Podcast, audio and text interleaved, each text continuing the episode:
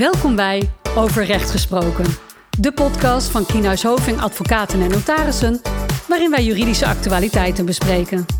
De ene keer aan de hand van een uitspraak, de andere keer naar aanleiding van een interessante juridische ontwikkeling, maar steeds op een heldere en laagdrempelige manier.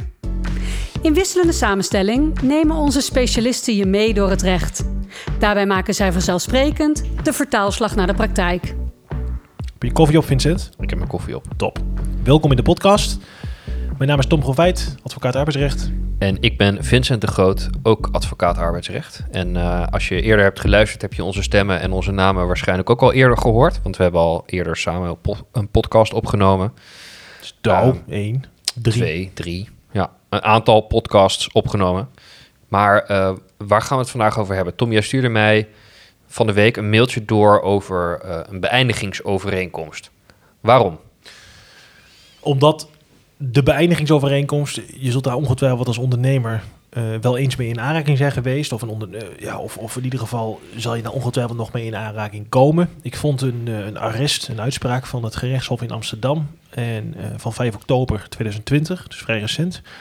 En daaruit bleek nog maar weer eens, weer eens dat de gedachte, als ik maar een beëindigingsovereenkomst teken, dan is het wel klaar daarmee, niet helemaal juist is altijd. Nee, want dit gaat over een kwestie die acht jaar geleden speelde. Hè? Dus dat uh, is voor een deel dat naar oud recht. Er zijn bepaalde arbeidsrechtelijke regels die in de tussentijd veranderd zijn. Uh, zoals bijvoorbeeld het feit dat er toen nog zoiets gold als de kantonrechtersformule. Maar uh, desalniettemin is het wel de moeite waard om deze te bespreken, omdat wat je hier ziet geldt nog steeds. Zeker. Dus het is wel, denk ik, uh, wel goed om het toch uh, daar even over te hebben. Ja, en de beëindigingsovereenkomst, goed om even op te merken, denk ik. Het, spreekt een beetje voor zich, maar de beëindigingsovereenkomst is de overeenkomst waarmee een dienstverband beëindigd wordt. Hè? Dus de werkgever en werknemer die spreken samen af. We stoppen ermee. En dan komt dat op papier te staan. We zetten er een handtekening onder. En daarmee hoeven we en niet naar de rechter. We hoeven ook niet naar een andere instantie, bijvoorbeeld UWV.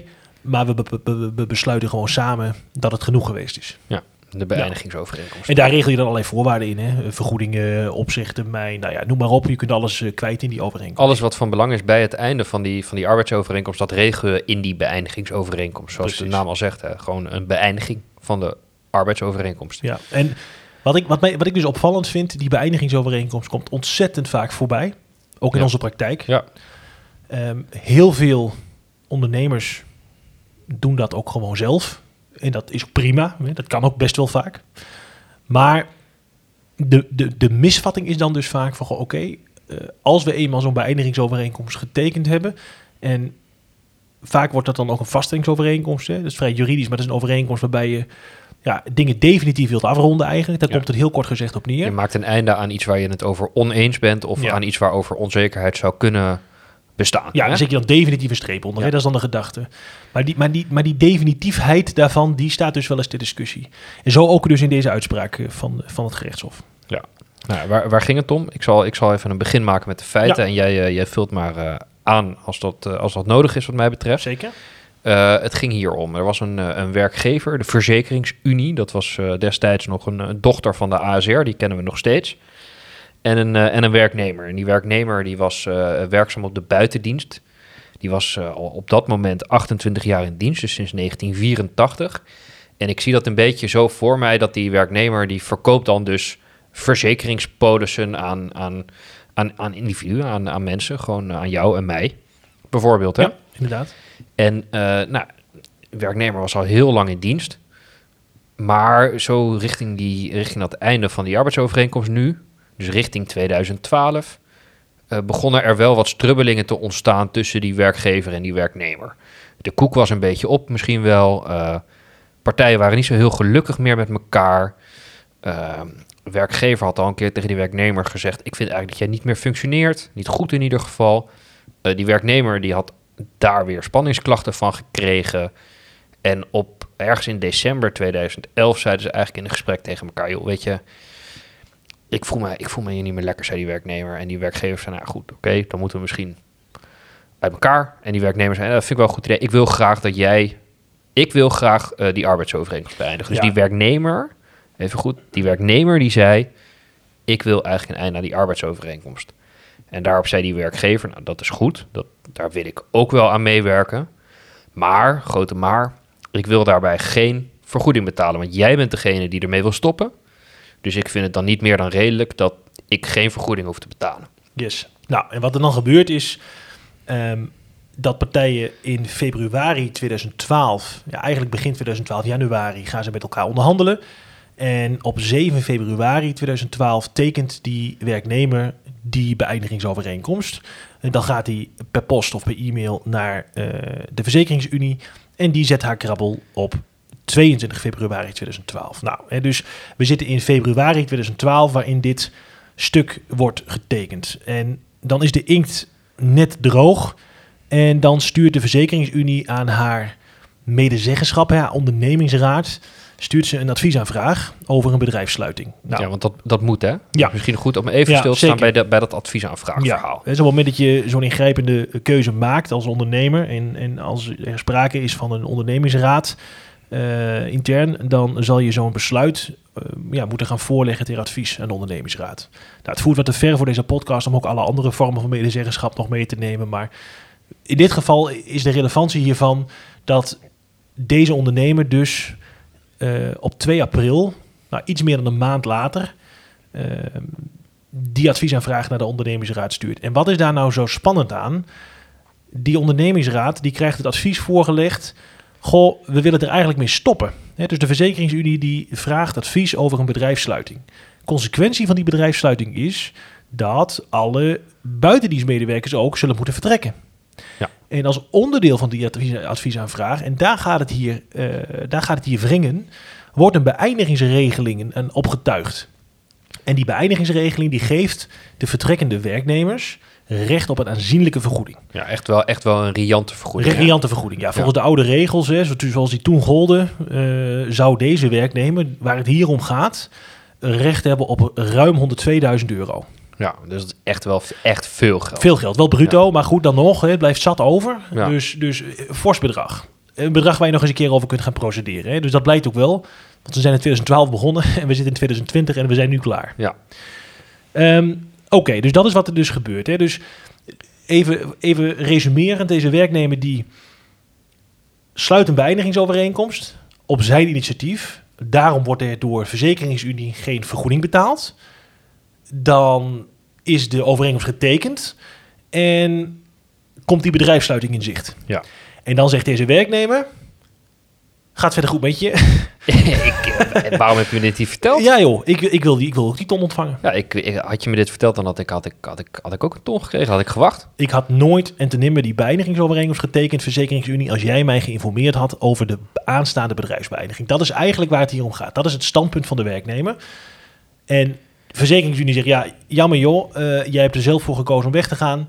En natuurlijk gaan we jou geen beëindigingsvergoeding betalen, dus het houdt hier op. Ja, nou, die werknemer die gaat vervolgens naar de rechtbank. Van de rechtbank gaan we naar het hof. Van het hof gaan we naar de Hoge Raad. En van de Hoge Raad gaan we weer terug naar een ander gerechtshof.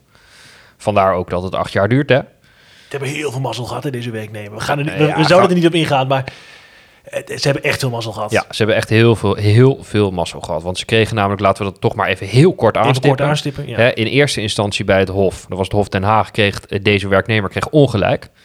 Nou, dan kun je nog naar de Hoge Raad en dan kun je eigenlijk maar een paar vragen voorleggen. En in dit geval was er eh, in die procedure bij, de, bij het Hof Den Haag iets verkeerd gegaan.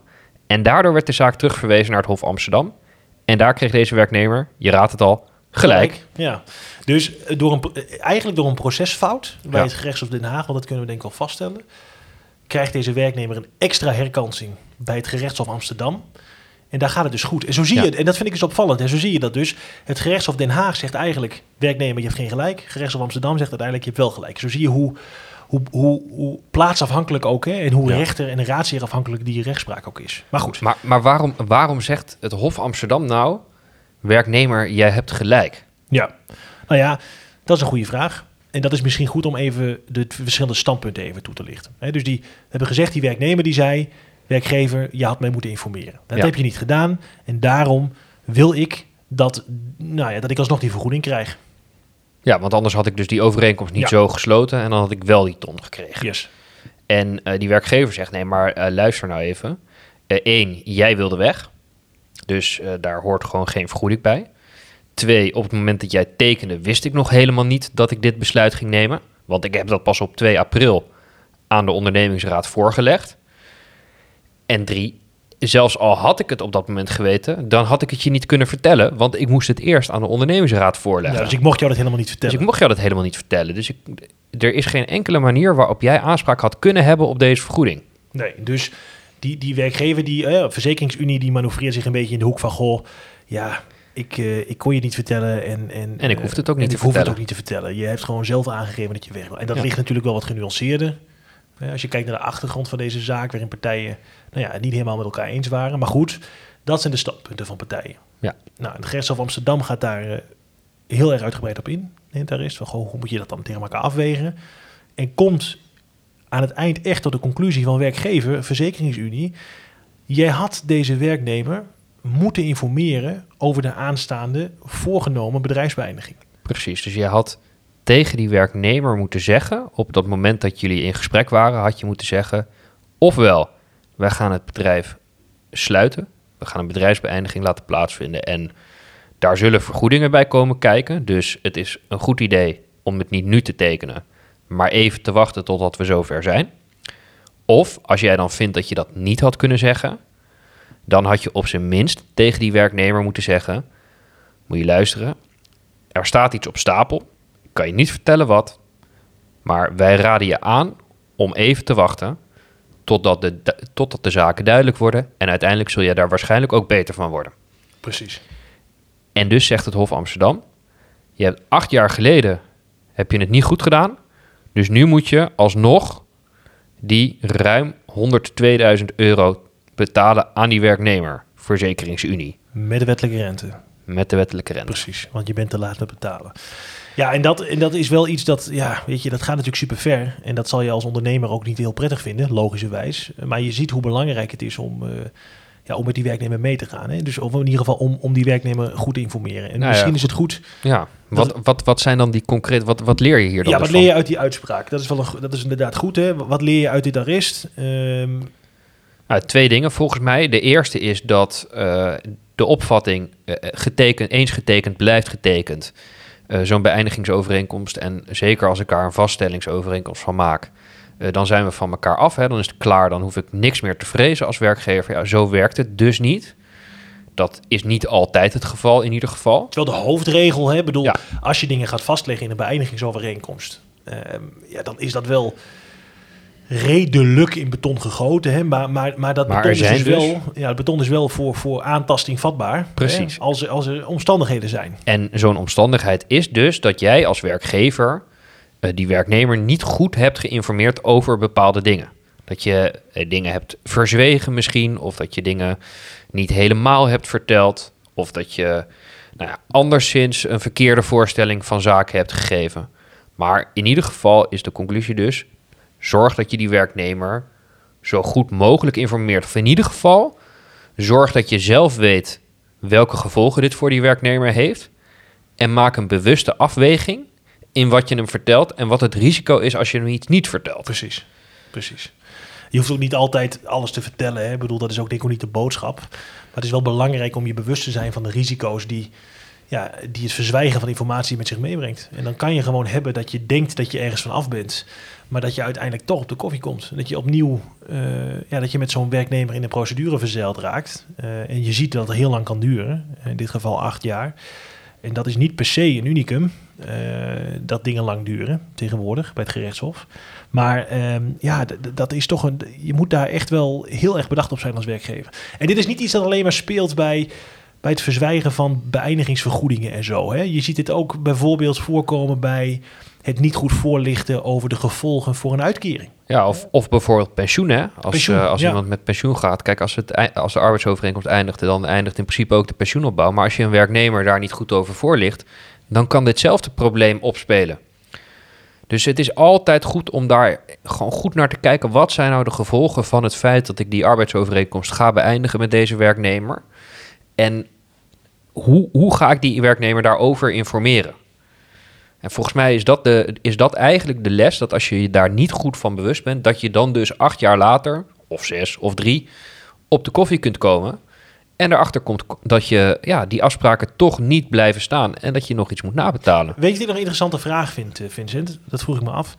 Ehm, we kunnen niet uit de arrest uit afleiden of deze werknemer is bijgestaan. Hè? Juridisch is bijgestaan. Dus door een advocaat of, of een rechtsbijstandsverlener op andere manier. bij het sluiten van die overeenkomst. Ja. Hè, dus, dus dat blijkt niet uit die uitspraak. Maar laten we eens aannemen dat dat niet zo is. Dan, dan, dan is dit een logisch verhaal. Hè? Wat als dat wel zo was geweest? Als die werknemer, wat als die werknemer wel is bijgestaan? Zou dat de zaak nog veranderen? Nou ja, kijk, eh, om, om, om een heel juridisch antwoord te geven zoals we altijd doen, dat is altijd afhankelijk van alle omstandigheden van het geval. Nou daar, daar hebben we niks aan, dat wil ik ook eigenlijk niet zeggen. Eh, ik denk dat het meespeelt, zeker. Het speelt mee of iemand wel of niet wordt bijgestaan. Maar dat voert niet zo ver dat je kunt zeggen, oké, hij had een advocaat. Of hij werd bijgestaan door iemand van de vakbond. Dus is het allemaal voor zijn rekening en risico. Nee. Zo simpel is het gewoon niet. Nee, en heel eerlijk gezegd denk ik in dit geval... het gaat om het verzwijgen van informatie, om maar even heel plat te zeggen. Eh, Die advocaat had dat in dit geval ook niet geweten, hè, waarschijnlijk. Dus, dus dat zou die omstandigheden dan ook weer ja, niet heel veel anders maken. Maar, het, is, eh, maar, maar het is wel een, een punt van aandacht. Hè. Op het moment dat je een werknemer een beëindigingsovereenkomst geeft... is niet gek om hem even langs een rechtsbijstandsverlener te sturen. Ik denk dat, die verplichting heb je denk ik niet per se, maar het is wel heel raadzaam. Ik denk dat het in dit kader ook wel inderdaad toch verstandig is, omdat je dan een argument hebt om te zeggen, ja, maar ik mocht er toch ook als werkgever wel van uitgaan eh, dat hij goed werd voorgelicht. Ja, ja, ja. Dus nou goed, dat is een omstandigheid. Maar wat we dus leren is, breng de omstandigheden die relevant kunnen zijn voor eh, de keuze van die werknemer in kaart. Hè? Van, goh, wat zou, wat zou voor deze werknemer nou een rol kunnen spelen bij het beëindigen van die arbeidsovereenkomst? Wat is voor hem belangrijk?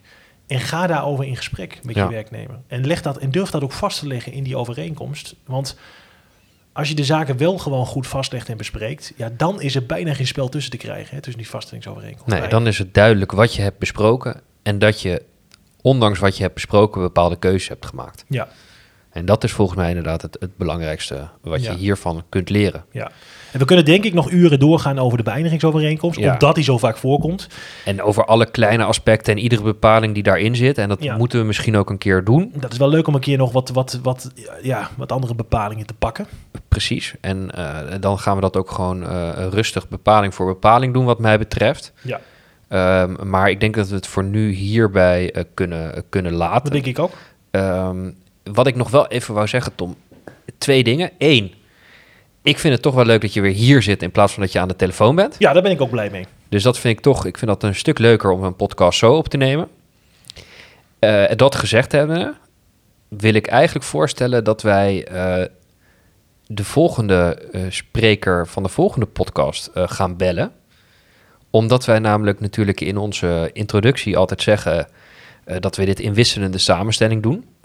Maar ondertussen eh, hebben we eigenlijk alleen nog maar jou, Nelleke, de andere Tom en mij aan het woord gehoord.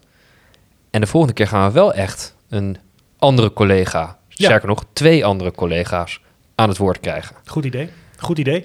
Ja, want dat is goed bevallen. Want de vorige keer wat je zegt had, leuk dat ik hier weer zit. Maar ik heb natuurlijk de vorige keer ingebeld van het huis in verband met die COVID-test.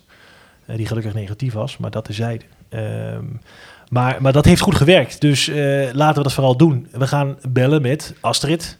Ja. Eh, want die gaat samen met Ilse natuurlijk dan die podcast opnemen. Precies. En dan kan zij ons vast vertellen van, goh, waar gaat het over? hè? Dat is leuk. Ja, dat is laten, we, laten we Astrid gaan bellen. Check, we gaan bellen. Dan gaan we, maak jij even een leuk muziekje of zo? Dan gaan we, Ehm, dan gaan we ja, bellen. of, eh, of ik zing wat in. Ja, misschien kun je wat inzingen. Dat is ook wel aardig inderdaad.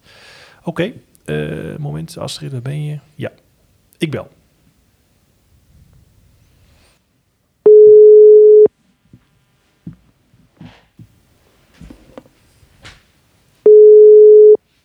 Met Astrid. Mevrouw Kiewit. Hi Astrid. Hallo. Hallo, Hi. jij Hallo. zit live in de podcast. Nou, Oh jee. live. Het wordt opgenomen, je bent te horen en we gaan dit uitzenden. Ja, we gaan dit zeker uitzenden. Spannend hoor. Jij weet dat we eh, bezig zijn met podcasting binnen Kines Hoving, want jij hebt gezegd, ik wil ook meedoen en dat vinden wij top, eh, want ik ga ook een podcast opnemen. Zeker, ja. ja. Nee, dat, eh, dat klopt. Ik eh, hoorde jullie al eh, met het initiatief. En nou, ik kan het alleen maar toejuichen en hopen dat ik daaraan mee mag werken. Vertel even wat over jezelf, Astrid, dat is leuk. Ja, ik, nou, mijn naam is dus Astrid en ik ben advocaat gezondheidsrecht bij Kienhuis Hoving en werk daar nu iets meer dan 2,5 jaar.